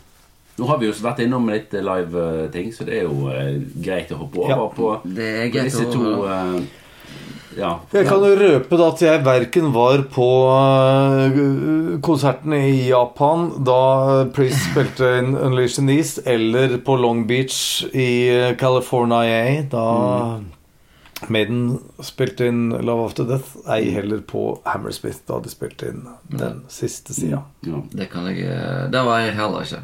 Nei. Jeg eh, Nå ser dere begge på meg. Eh, Du var ikke født eh, når, jeg du var ikke, født eh, når det ble gitt ut. jo, jeg var det så vidt, men ikke så mye mer enn det. Men, men vi snakket litt om det jeg sa. Det er jo, dette er jo sjette albumet i rekken for begge bandene. Det er jo litt spesielt. Enten er det artig sammentreff, eller så har Maiden kopiert Priest. Det er jo ikke umulig. Men det funka jo for Priest. Det funker jo for Priest. Andre fakta. sant? Eh, Priest er i 79. Ja, vi sa jo de årstallene i stad. Um, Killing Machine-turneen. Powerstave-turneen. De her to, da. Um, så var dette to band på høyden, eller var det noen, uh, var noen av de på vei opp, eller Piker noen der, eller hva, hva, hva kan vi si liksom sånn sett om, om, om de to? Altså, jeg, altså, det som vi kan iallfall si om um, uh, Unleashed in the East, det var at den kom på tiendeplass på, på UK-listene. Og eh, Killing Machine var sikkert den høyeste plasseringen før der. Det var på nummer 32. Så sånn sett så var det ganske høyt løft for Priest sånn uh, som det- det- altså, da- ja. eh, ja. Da begynte de å høste litt, uh, høste litt ifra den de- de- altså, Høste fruktene. Ja, altså, for de har jo hatt en eh, De hadde jo en litt mer kronglete vei enn Maiden på de fem første albumene, må vi kunne si, si om eh, Priest, og- rett og slett. da Mm. mm. Hvis vi snakker om Maiden, så er jo en nesten litt sånn tilbøyelig til å si at uh, her er de på høyden. Og de er kanskje på høyden litt uh, til. Men eh, Men de Ja. Kommer de så mye høyere opp enn en, enn sånn som det låter på Live After That? Espen, jeg ser på deg. Forskjellen i status er jo selvfølgelig at Maiden var ekstremt høyt oppe allerede på Powerslave. Mm. Eh, ikke bare hjemme, men så til de grader at tre av fire sider på, på LP og kassetten og spilte inn på Long Beach Arena. Ikke sant? De turnerte og var gigantiske. De hadde de største turneene. Uh, altså De hadde jo De turnerte jo Og det må vi huske når det gjaldt Iron Maiden, at de De fikk jo Altså, de turnerte jo hvor mange da? Underkant av 300, altså 250 konserter på et år, type. Ja, du fikk jo helt turnélista. Jeg husker turnélista var en del av, av eh, innerslivene, ikke sant? Ja. Og det, det er galskap. Jeg husker Eh, jeg satt med, liksom med Atlas og den der listen og var liksom med på den der reisen rundt i verden som ikke ville noen ende ta. Ja, ja, ja. Og liksom steder du aldri hadde verken sett eller Men det er klart, øh, men den, den, den øh, skiva ble spilt inn i øh, fem Nei, 84? 84 og 85. Ja. Ja, 84 og 85. 84 i London, eller ja. Og, Ja. ja. Og, og, og for Judas Priest så, så er vi jo noen år tidligere, ikke sant? ja. Så 79. øh, hvis Priest skulle gjort det samme, samme år Så de har hatt en annen turné. De kunne kanskje også gjort det på Long Beach Arena. Ikke like svært som Maiden. Priest har aldri vært like store som Maiden. Det må vi jo Det, det, det, må Det er lov å bare, ja, ja, det må vi bare erkjenne. Så øh, Priest har alltid vært Eller Maiden har alltid vært det største bandet, og Priest har alltid vært eh, Så lenge de har eksistert samtidig, og så, så har Priest måttet se Maiden gå forbi seg salgsmessig. Uh, og det er helt greit, det. Men uh, Priest Da de spilte inn Unleash in East, så var det uh, ikke på Long, Long Beach Arena og Hammersmith. De spilte jo inn i Japan. Ja. Og selvfølgelig På den tida så var det lettere for et band å, å spille inn et livealbum foran haugevis av skrikende fans i Japan enn i eh, både sitt eget hjemland og i hvert fall i Long Beach Arena. Kanskje Priest trengte kanskje mer den oppturen ifra Unleashed enn uh, Priest- Maiden trengte han. Priest trengte oppturen, Maiden trengte en pause. Ja. Ja. ja. Men samtidig, det, det som de har har til felles, sant, det er jo at eh, for mange så var jo dette introduksjonen til, til bandet. Mm. Og det har vi snakket om før, Bård, at du hørte jo låtene, mange av låtene først på, uh, på Live of the Dead. ja, ja. Det var Og så, og så begynte du å lete tilbake i katalogen. Mm. Uh, og uh, det var samme Altså på Priest, og det merker jeg har gjort en Jeg begynte på en sånn gjennomgang av diskografien på, på heavymetal.no sidene med den gode Styngve Jacobsen. Og da merker jeg det at Ja, Starbreaker er kul, da, men eh, det er litt mer punch i den på, uh, på the East. Mm. Ja, Eh, og, og Exciter òg er jo litt sånn, syns jeg. Det er litt sånn, Studioversjonen blir litt sånn tam, tam i forhold. Ja. Um, Når det gjelder hva som låter best i Studio Live, så igjen går det på Det går jo ikke på bandet. Det går jo på innspillingsfasilitetene. Mm, ja. Fordi uh, Priest spilte jo de låtene her så mye tidligere. ja, de gjorde det. Så Det var sånn 70-tallslyd. Ja, Ja. Du kan ikke sammenligne de sånn eh, opp mot hverandre sånn rent lydmessig. Det, det tenker jeg det blir jo ikke helt, eh, helt uh, riktig. Men, men når vi er innom om låtene sant, at, at Live After That er jo sånn egentlig den perfekte Best of-platen til Maiden, bortsett fra da at det mangler noen låter fra eh, Time og kanskje Seven Soul. Men, eh, men eh, sånn opp til da så er jo den helt sånn Mener jeg da den låtsammensetningen eh, der Mm. Tracklisten der, den er helt suveren. Og så er den like god på Unleashed the East. Så jeg er litt usikker på om, Ja, det er det, om på det. ja, det er kanskje litt uh, merkelig eh, låtvalg av hvem altså, det, er, det er noen klare sånne mangler der i, i den originale Ja, ja. Den originale versjonen av Unleashed the East. ja. altså du Espen nevnte jo at det er to coverlåter der, faktisk. Jo, men det er to låter som er viktige i bandsammenheng, i Priest-sammenhengen. Det er jo Diamonds and Rust og Green Man Alicia. Mm. Som er viktigere for bandet enn f.eks. Genocide. Mm. Som er med på skiva. Mm. Den òg. Men det, det som er merkeligere, er jo at f.eks. Hellbent for Leather ikke er med opprinnelig. Ja, er. Eller du nevner Starbreaker. Den er heller ikke med blant de ni opprinnelige låtene på skiva. Dreit jeg. Vi må jo også huske da at øh, Jo, men øh, men det er jævlig viktig. Uh, Unleashed er et enkeltalbum. Ja. Love After Death var et dobbeltalbum. ja. Og det er litt av, av øh, greiene at Maiden hadde flere muligheter til å øh, putte hele hitrekka si inn i det albumet. Eh, vi så jo f.eks. da på oppfølgerliven til Priest. Priest Live. Der får vi jo Det er der vi får 'Breaking the Law! Ja. Og det er nesten litt rart at den ikke er på Unleashed in the East, for vi tenker på Unleashed som skiva fra den perioden av, eh, av eh, Priest. At den egentlig kom mellom Killing Machine og British Steel. For i studioalbumrekkefølgen så er det et naturlig skille etter British Steel. Mens for Maiden så er det her en helt perfekt capping av en periode. Så, Ja, så, så, så, så akkurat det er jo Det, det er jo litt sånn småspesielt. eh, og hadde da Unleashed kommet et album seinere, kan jeg garantere at det hadde vært et dobbeltalbum. Ja, det- det For jeg, altså. det- med, med, med, med British Steel-repertoaret plussa på, så hadde det vært nok å, å legge til at, Mm. at det her hadde vært et perfekt Ja. Så Altså, Maiden timer det litt bedre sånn i karrieren Ja, sin. karriere- kanskje, da. karrieremessig, altså. Ja, og selvfølgelig da teknologisk med at uh, det var plass til Eller de valgte å ha to Ja, det er kanskje Ja, var dobbeltalbum før. Ja, ja, men, men, men, men Priest hadde strengt tatt ikke nok låter til et dobbeltalbum. Mm. De hadde nok låter til uh, to LP-kassettsider i Europa og USA og tre i Japan. Mm. Ja.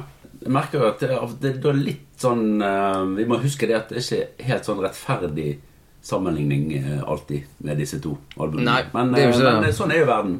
Ja, verden er ikke det- nødvendigvis helt rettferdig. Det sant, men, men, men, det- men det, det er vanskelig å si hva som er viktigst for Om det var viktigere for uh, Priest med Unleashed, eller om det var viktigere for, for Maiden med, med Love of the Death. Mm. Men jeg holder kanskje knapt på at eh, det er jo altså, Så jeg har lest litt om eh, historie og biografi og sånt Prism, så var det sånn Det gikk jo ganske trått med dem, selv om de gav ut eh, glimrende plater der på, på 70-tallet. Mm. Så det var nok en sånn slags forløsning i um, Unleashed Is når den kom. Og, Ja. og, og, den fikk Og her er greia med de to skivene. Fordi vi snakker jo om to livealbum opp mot hverandre. Fordi en ting er å sette livealbumene opp mot studioalbum til samme band. Men det vi skal prate om nå, det er jo, og virkelig sammenligne, det er jo de to livealbumene. Og hvilken tjeneste gjør livealbumet studioalbumene? Eller bandets karriere? Åpenbart, som du sa, liveversjonene på Unleashed in the East Teknisk sett, altså lydmessig, og energien du får der, den, den løfter jo låtene. Ja. I etterkant så, så setter jeg også ekstremt stor pris på så, altså, At Exciter er min favorittlåt med, med Priest, ja. Men, men, men det, er, det er et punch i Unleashed-utgivelsen. Men Love After Death overgår ikke studioversjonen av det aller, aller meste. Jeg satt og hørte på det her i stad, og bare Jeg kjente på, på, på et godt headset så er det så mye på Love After Death. Og jeg kommer til å få dødstrusler etter dette her. Men det er så mye der som Som egentlig Jeg tenker på Shit, det her er mye bedre i studioversjon. Mm. Fordi live Ok, det er kanskje mer live, Mm. men det er litt sånn Det er et band Du, du, du, kan nesten høre at de er småslitne Mm. Underveis. Ikke hele veien. Mm. For all del ikke. Men, men, det, men det, er, det er bedre versjoner på studioutgavene til Maiden-låtene i forhold til live enn det er på Priest-skivene. Ja. Og det er, det, det er et poeng, altså. Mm. Jeg må dog få lov til å framheve én ting, for det er viktig for meg når det gjelder Live After Death. Det er en ekstrem forskjell, og det merker jeg selv da jeg var like gammel som en peanøtt i et skall. Da jeg hørte her første gang, så, så, så leste jeg også en liten skrift at det her står Long Beach, eh, Hammersmith. Ok. Så det er tre sider med Long Beach Arena. Og der hører du Bruce Dickinson kjøre sin Det som nå har blitt hans varemerke Scream for me! Ikke sant? Det er Scream for me, Long Beach! Og det er, det er selvfølgelig massivt. og Det er gøy. det er gøy Hele biten der er gøy. Og han drar den så opp, og publikum er oppe, og de kjører Running Free. Som jeg er så lei av å høre i langversjonen, og at jeg er så glad de ikke kjører den live lenger. Jeg vil heller kjøre, høre den i tre minutters versjon enn å høre den igjen i en halvtimesversjon, men det er en helt annen sak. Eh, For låta er jo gøy, men jeg vil høre den uten publikum. Ja. Uten dere, dere, dere.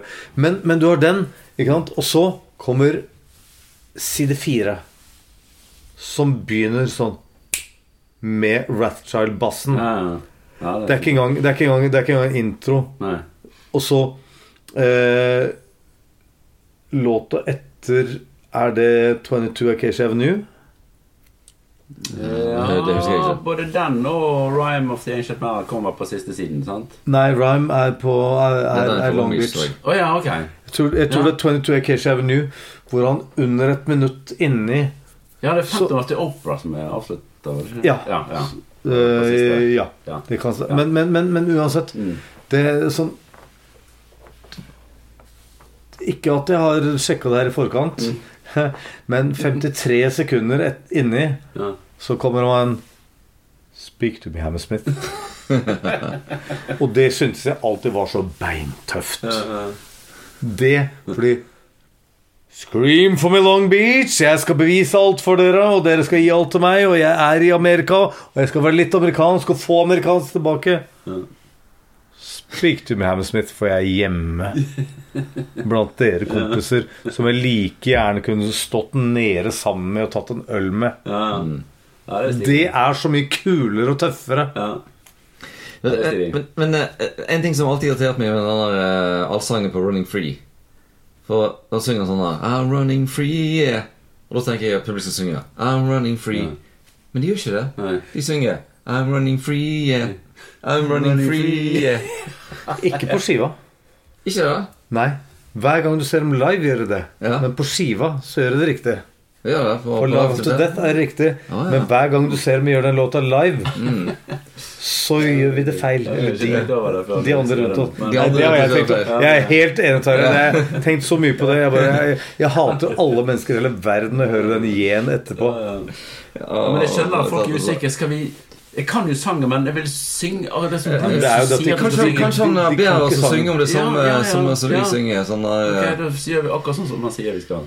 Men, men eh, ja, det, ja, det er rart. Men det er en ting til som jeg eh, vil Et par ting til som jeg har lyst til å ta fram om uh, Unleasing Dees. Det er jo at eh, eh, For det første så kom jo Tom Allom inn i folden og miksa den platen der. Sant? Så det var jo òg et sånt eh, vendepunkt Ja. for Priest. For Mm. I likhet som, med det eh, sveitsiske flagget så var det et stort pluss, altså. ja. Så da eh, Og da ble jo han deres faste eh, og, Som var ute en stund, men som kom inn igjen på Firepower, faktisk, og ga han litt Ja. sånn klassisk tilsnitt. Mm. Og, det som, og den gullrekka som han eh, produserte med, med Priest, løfter jo de til Nesten Altså, i, i 86 med turbo Mm. De kanskje har lagt så langt bak Maiden i popularitet som, som de gjør nå, iallfall. De var ganske Nei, var svære. De var ganske svære, altså. Mm. Det, eh, og, og, men han var jo selvfølgelig med på Ram It Down etterpå og, mm. og der. Ja. Så, så det er jo òg et sånt vendepunkt at det der eh, fant de tonen. Og så er det jo òg et vendepunkt at uh, eh, Visstnok så er det der eh, Les Binks eh, ble ute av bildet. Ja. Fordi det, det var sånn diskusjon om eh, at han skulle få betalt for å, å ha spilt tromme eh, på eh, Lise East. Så sa jeg ja, nei, men eh, det er jo et livealbum, og du har allerede fått betalt for å spille på studioalbumene. Så kanskje du bare var grei å eh, signere over rettighetene til platene. Mm. Og det eh, ble det masse kødd av etterpå. Og, og, og eh, litt forskjellige versjoner av det der, men ja. eh, jeg har hørt at det, at det er det som er grunnen til at han eh, forsvant ut av bandet da. Og så tittet du jo litt, litt nøye på coveret. Ja, for det er ikke et livebilde på uh, Unleashed East. Det er tatt i studio, så skal det liksom være et uh, livebilde. Ja. Og der, hvis du ser etter, så Det går ikke an å se hvem som er bakom trommesettet. Mest sannsynligvis så er det ingen bakom trommesettet. For der står enten Rob Halford sånn i den der eh, Ja. Nesten som Freddie Mercury-posituren. Ja. Og bakpå så sitter han jo på Harleyen. Ja. Men det går ikke an å se hvem som er på, på trommesettet. Så jeg, eh, jeg tror at det er ingen som er på det trommesettet i, eh, i det fotostudiet som vi tar det, det, de bildene der. Men nå er vi- dette jo en flott overgang til selve cover og innpakning på, på disse to platene. Ja. Det, det, de må vi jo sammenligne Ja. litt. Uh, eh, Vi må, ja. Uh, Vil du, vil du starte Espen? Ja, det er to måter å se på det på. Altså, jeg har jo Jeg har jo alltid vært glad i live-albumcover der det ser live ut. Mm. Men i voksen alder har vi skjønt at det er ikke det er ikke mye live med de fleste live-albumcover. Det være seg in the East eller Kiss Alive eller, altså, det er, Og det, det er jo Jeg vet ikke Jeg, jeg liker likevel at det ser live ut. Og for eksempel da eh, var Krokus, livealbumet Alive and Screaming Ja. det, det, det, det var sånn Jeg bare skjønte ikke at det At det skulle være et livealbum helt til jeg hørte det. Men, men samtidig Det er jo ingenting feil med Live After Death-coveret. Det er jo et Altså, det, det er jo minst topp tre, kanskje topp to, kanskje Ja, topp én Ja, ja, ja. Jeg følger deg hele Iron Maiden-cover for meg. Helt, helt enig. Og, og, og, og, og, og det, det, det gir jo da ikke sant, Det øh, kombinert med hvor øh, likevel øh, ikke live de fleste live-albumcover er, er jo øh, Altså, det, det, det, det, gjør jo veldig enkelt Live After Death til en vinner, selv om de ikke har Rob Halford på coveret. Mm. Ja, det er sant. Fordi det, du, du, så er det hele Hele den eh, Lovecraft Jo da. That it is not dead which can eternal lie Yet with strange eons Even death may die Det er så jævlig Men altså, altså de, de fargene så det, det er jo Ja, ja. Det er sånn gult og, og blått hele greia. Ja, ja, sant? ja, ja. Eh, kanskje litt sånn grønnskjær inni det. Det er utrolig fett. Men jeg syns også sånn eh, Det er så mye informasjon. Det er ganske lite informasjon på Unleashed in the East. eh, jeg vet ikke om jeg har Jeg har sikkert ikke originalen. Jeg har bare en sånn uh, Nice Price-versjon. Men eh, det er ikke mye uh, Hva er det som er på innlakcoveret til Unleashed East? Jeg vet ikke. Nei, er I original, hva Men inni, ja. inni Love After Death Og det er jo svært buklet av det. er Masse Se, kassetten hadde buklet. Ja. Ja. Så Så kassetten var en lang utbredt med alle Alle live-datoene og alt sammen Ja. opplevelsen, sånn som du sitter hjemme og tar fram atlaset og følger turneen og det, så interaktiv det, det, og det, det er jo masse data der, for det står Ja. jo Det står ikke hvor mange eh, eh, øl de har drukket, hvor mange liter forskjellig eh, brennevin og hvor mange Altså det er sånne Det er sånne ting, ja. Det er sånne, data, sånne datapunkter på, på en sånn stor turné. Det er Fire geiter, tre hjorter, fire, fem elger og, fire merker smør. og seks peanøtter Ja. Ja, det, men, men det, også, det altså, alle disse Det er jo enormt mye bilder og sånn, så det, Ja. du er jo på en måte Det er det der med å først ja, Kanskje det første er liksom når du får være med liksom, bak scenen og liksom Ja, Navnene på alle i crewet ja, ja, står jo nevnt. Så alle blir liksom Det er sant, hentet litt uh, Men igjen pointet frem, med at ja. når du ikke vil helt ut med hvem trommisen er, så er det klart, da, da, da sitter du langt inne og røper hvem uh, lysteknikeren din er, altså. Ja da. Men er på en annen side så er jo Når vi snakker om informasjon på, på coveret til Unleashed in the East, så, så var jo det her de virkelig fikk, fikk eh, frem eh, nagler og lær eh, eh, Ja. imaget sitt. Mm. Eh, Og Harley igjen. ja, ja, ikke minst. Så det, det Ja. er noe sånn slags du kan si merkevarebygging som foregår eh, der, da. Men, Ja. men jeg syns jo at denne posituren til Rob Halford på Unleashed in the East Mm, mm.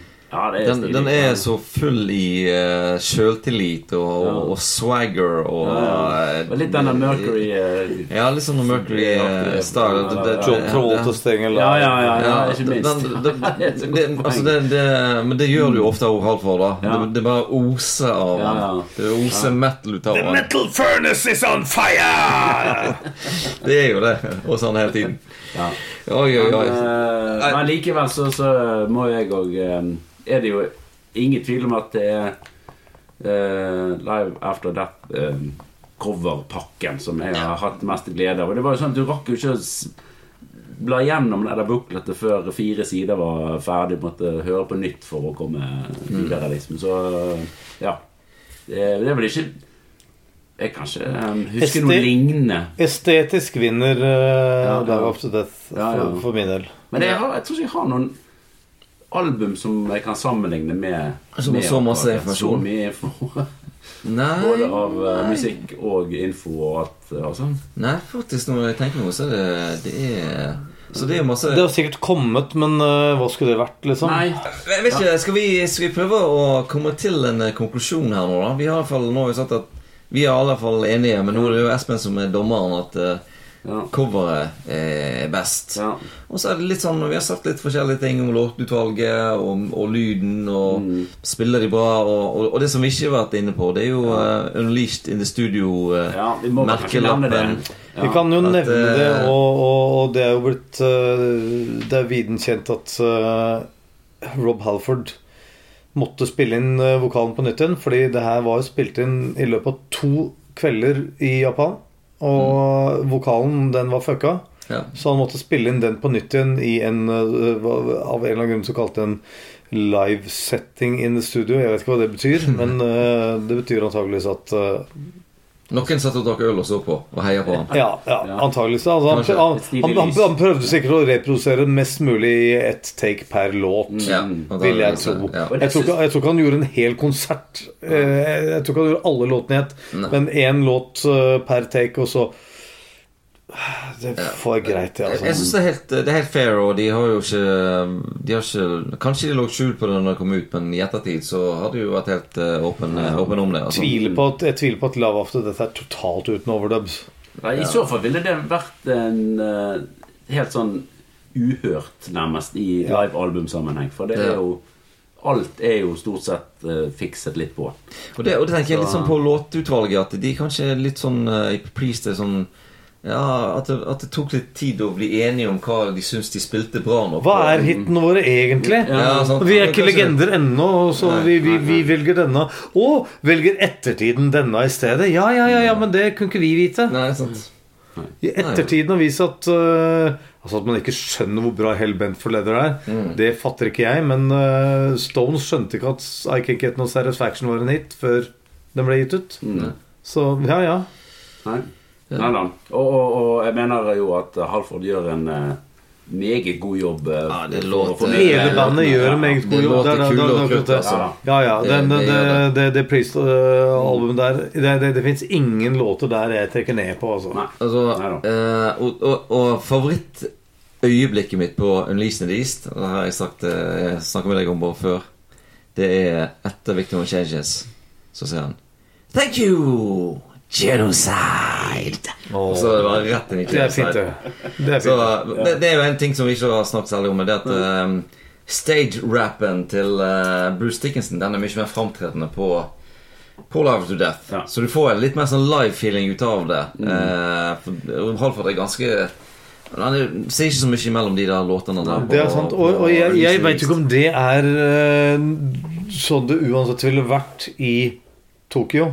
Det kan Altså, hende. Du, du, du snakker med engelsktalende, eller du snakker med ikke-engelsktalende på 70-tallet, Ja. til og med. Altså Let the music do the talking. Ja. ja. Det, dette, og dette, dette snakket vi om da vi hadde vår eh, gjest eh, Aki fra Electric Eelshock. At eh, på 70- 80-tallet så var det ingen japanere som kunne engelsk. Så de oversetter alle titlene på alle låter og plater til japansk. ja. Eller, Og de, og de brydde seg ikke så mye om hva originaltittelen på engelsk var. Enten fordi de ikke kunne godt nok engelsk, eller fordi de ville Nei, nå- gjøre det enda mer eh, kill death. Når Ja. skulle være med i alle ja, titlene. Så da er det jo sånn begrensa hva du kan få ut av det publikummet og eh, ja, i forhold til et amerikansk publikum. helt sikkert. Skal vi eh, prøve å lande, en, lande en konklusjon her nå, Espen? Det har jo, du, du har hatt litt tid til å tenke på det. Ja, det jeg har ikke vært lett eh, Det er allikevel. ikke lett. Det er ikke lett i det hele tatt. Eh, B- Priest er og blir mitt min favoritt av de to banda. Uh, jeg har så mye vakkert å si om Unleashed and East. Samtidig så er Altså Love After Death er i større grad et klassisk livealbum blitt. Bare det at det er dobbelt, som et livealbum skal være. Eh, det er det, Jeg lander nesten motvillig på Maiden her, altså. Mm. Men, men jeg kan ikke ikke gjøre det, fordi det fins øyeblikk som i setningen The moral of the story is Here's what not to do when the bird shits on you. Fra Love After Death, når Bruce Dickinson introduserer Rhyme of the Ancient Mariner. Sånne ting kunne jeg gjerne hatt. Jeg kunne gjerne hatt litt mer The metal furnace is on fire! Fra Altså, om, om, du så har, om du så har gjort i studio Ja. Japan! Altså We are running wild! Og det, det, det, det gjør Kiss, for eksempel, på Alive. Hele den snakkinga. Alt det der som skal gjøre det til et enda mer perfekt livealbum. Jeg mener låtene er mer, mer feeling på perfekte ja. på, på Unleashed in East. Og kanskje stadig til og med bedre, men som live dokument så er Og det gjelder både Altså det er totalpakka. Det gjelder det du hører. Det gjelder det du bretter ut på kassett Mm. eller vinyl eller CD. Det gjelder stage banter. Mm. Love After Death er et livealbum, og det er kanskje men altså Det er topp fem av de beste livealbum noensinne gitt ut. Fordi det er noe som tar deg med til noe som er live. Og det at det er litt uperfekt underveis, gjør det enda mer live. Ja, det gjør det. Ja.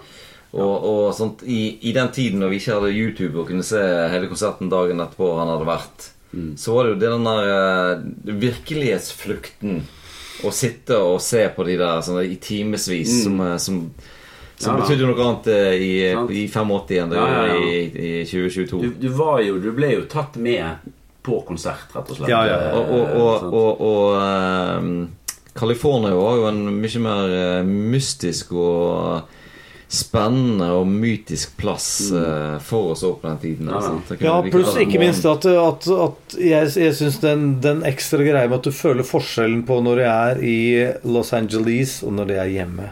Mm. Jeg gjentar ja. Speak to me, Hannah Smith. Den er tøff, den. Ja, ja. Nei, men uh, dette syns jeg var greit. Ja, dette Ja. syns jeg var Eh, Det var velfortjent. Eh, et velfortjent poeng til Armaden, Maiden, altså, i denne episoden her. ja, ja, ja. Ja. ja. Jeg tror jeg må bare si tusen hjertelig takk til eh, Espen Rock. Nørvåg Slappgård. Tusen takk for takk. denne, denne fine stunden sammen, sammen med å snakke om uh, ja. Priest of Maiden og Live After Death og uh, mange andre ting. Neste gang Espen, så skal vi sammenligne Live After Death versus. Priest Live. Yes! Jeg er med! Da begynner vi, da snur vi bunken og begynner vi på nytt. Kiss Alive mot Kiss Alive 2. Hei! Ja. Eller hva Men vi må, hvor mange livealbum har Maiden egentlig gitt ut? Er det ti Jeg, jeg har ikke peiling. Det er en hel haug. Ikke, ikke sånn at de gir ut et livealbum nå imellom hvert studioalbum. Nei, to. Minst. To, To livealbum. Ja. Pre- Pretty much ett uh, studioalbum og to livealbum. Og det, det, det, det, det også trekker litt ned. Det, Ja, det, ja, det blir litt sånn utvannet. Det blir det, men, men heldigvis så står Live After Death uh, for seg sjøl. Og så vanner de det litt ut med alle disse live Ja, Vi må kunne si Ja. da, i hvert fall for det du nevner, Priest Live For meg har Judas Priest to Ja. uh, livealbum som er viktige. Ja. Our Maiden har ett. Ja. Ja. ja, det er et godt poeng. Godt god, poeng. eh, god avslutning, og og det kan vi Det gjør vi. Mm. Så igjen, tusen hjertelig takk, Ja. Espen. Og så uh, Vi glemmer alltid å si det, men tusen takk til alle som hørte på. Ja, Og uh, hvis det og snakket. Og uh, ta kontakt med oss på Facebook og TikTok og Instagram og alt mulig. Priest versus Maiden overalt. Uh, ja, De vil jo gjerne høre hva folk uh, syns. ja, vi vil jo Det andre ting uh, vi har glemt å Det vil vi. det vil vi. Og hvis de er uenige med Hvis det er veldig uenige, da er det jo mest eh, Det er jo mest, det er jo mest Maiden-fans som kommer. Så da, så da, så da så siden, vi lagde Brett vant denne gangen, så blir det kanskje ikke noe. Men Priest vant for meg som beste band. da Det gjorde det. Det gjorde det. Så det, så det Så krangel i vei! Ja. ok. Takk for nå. Ha det bra. Hei då. Hei, Ernst.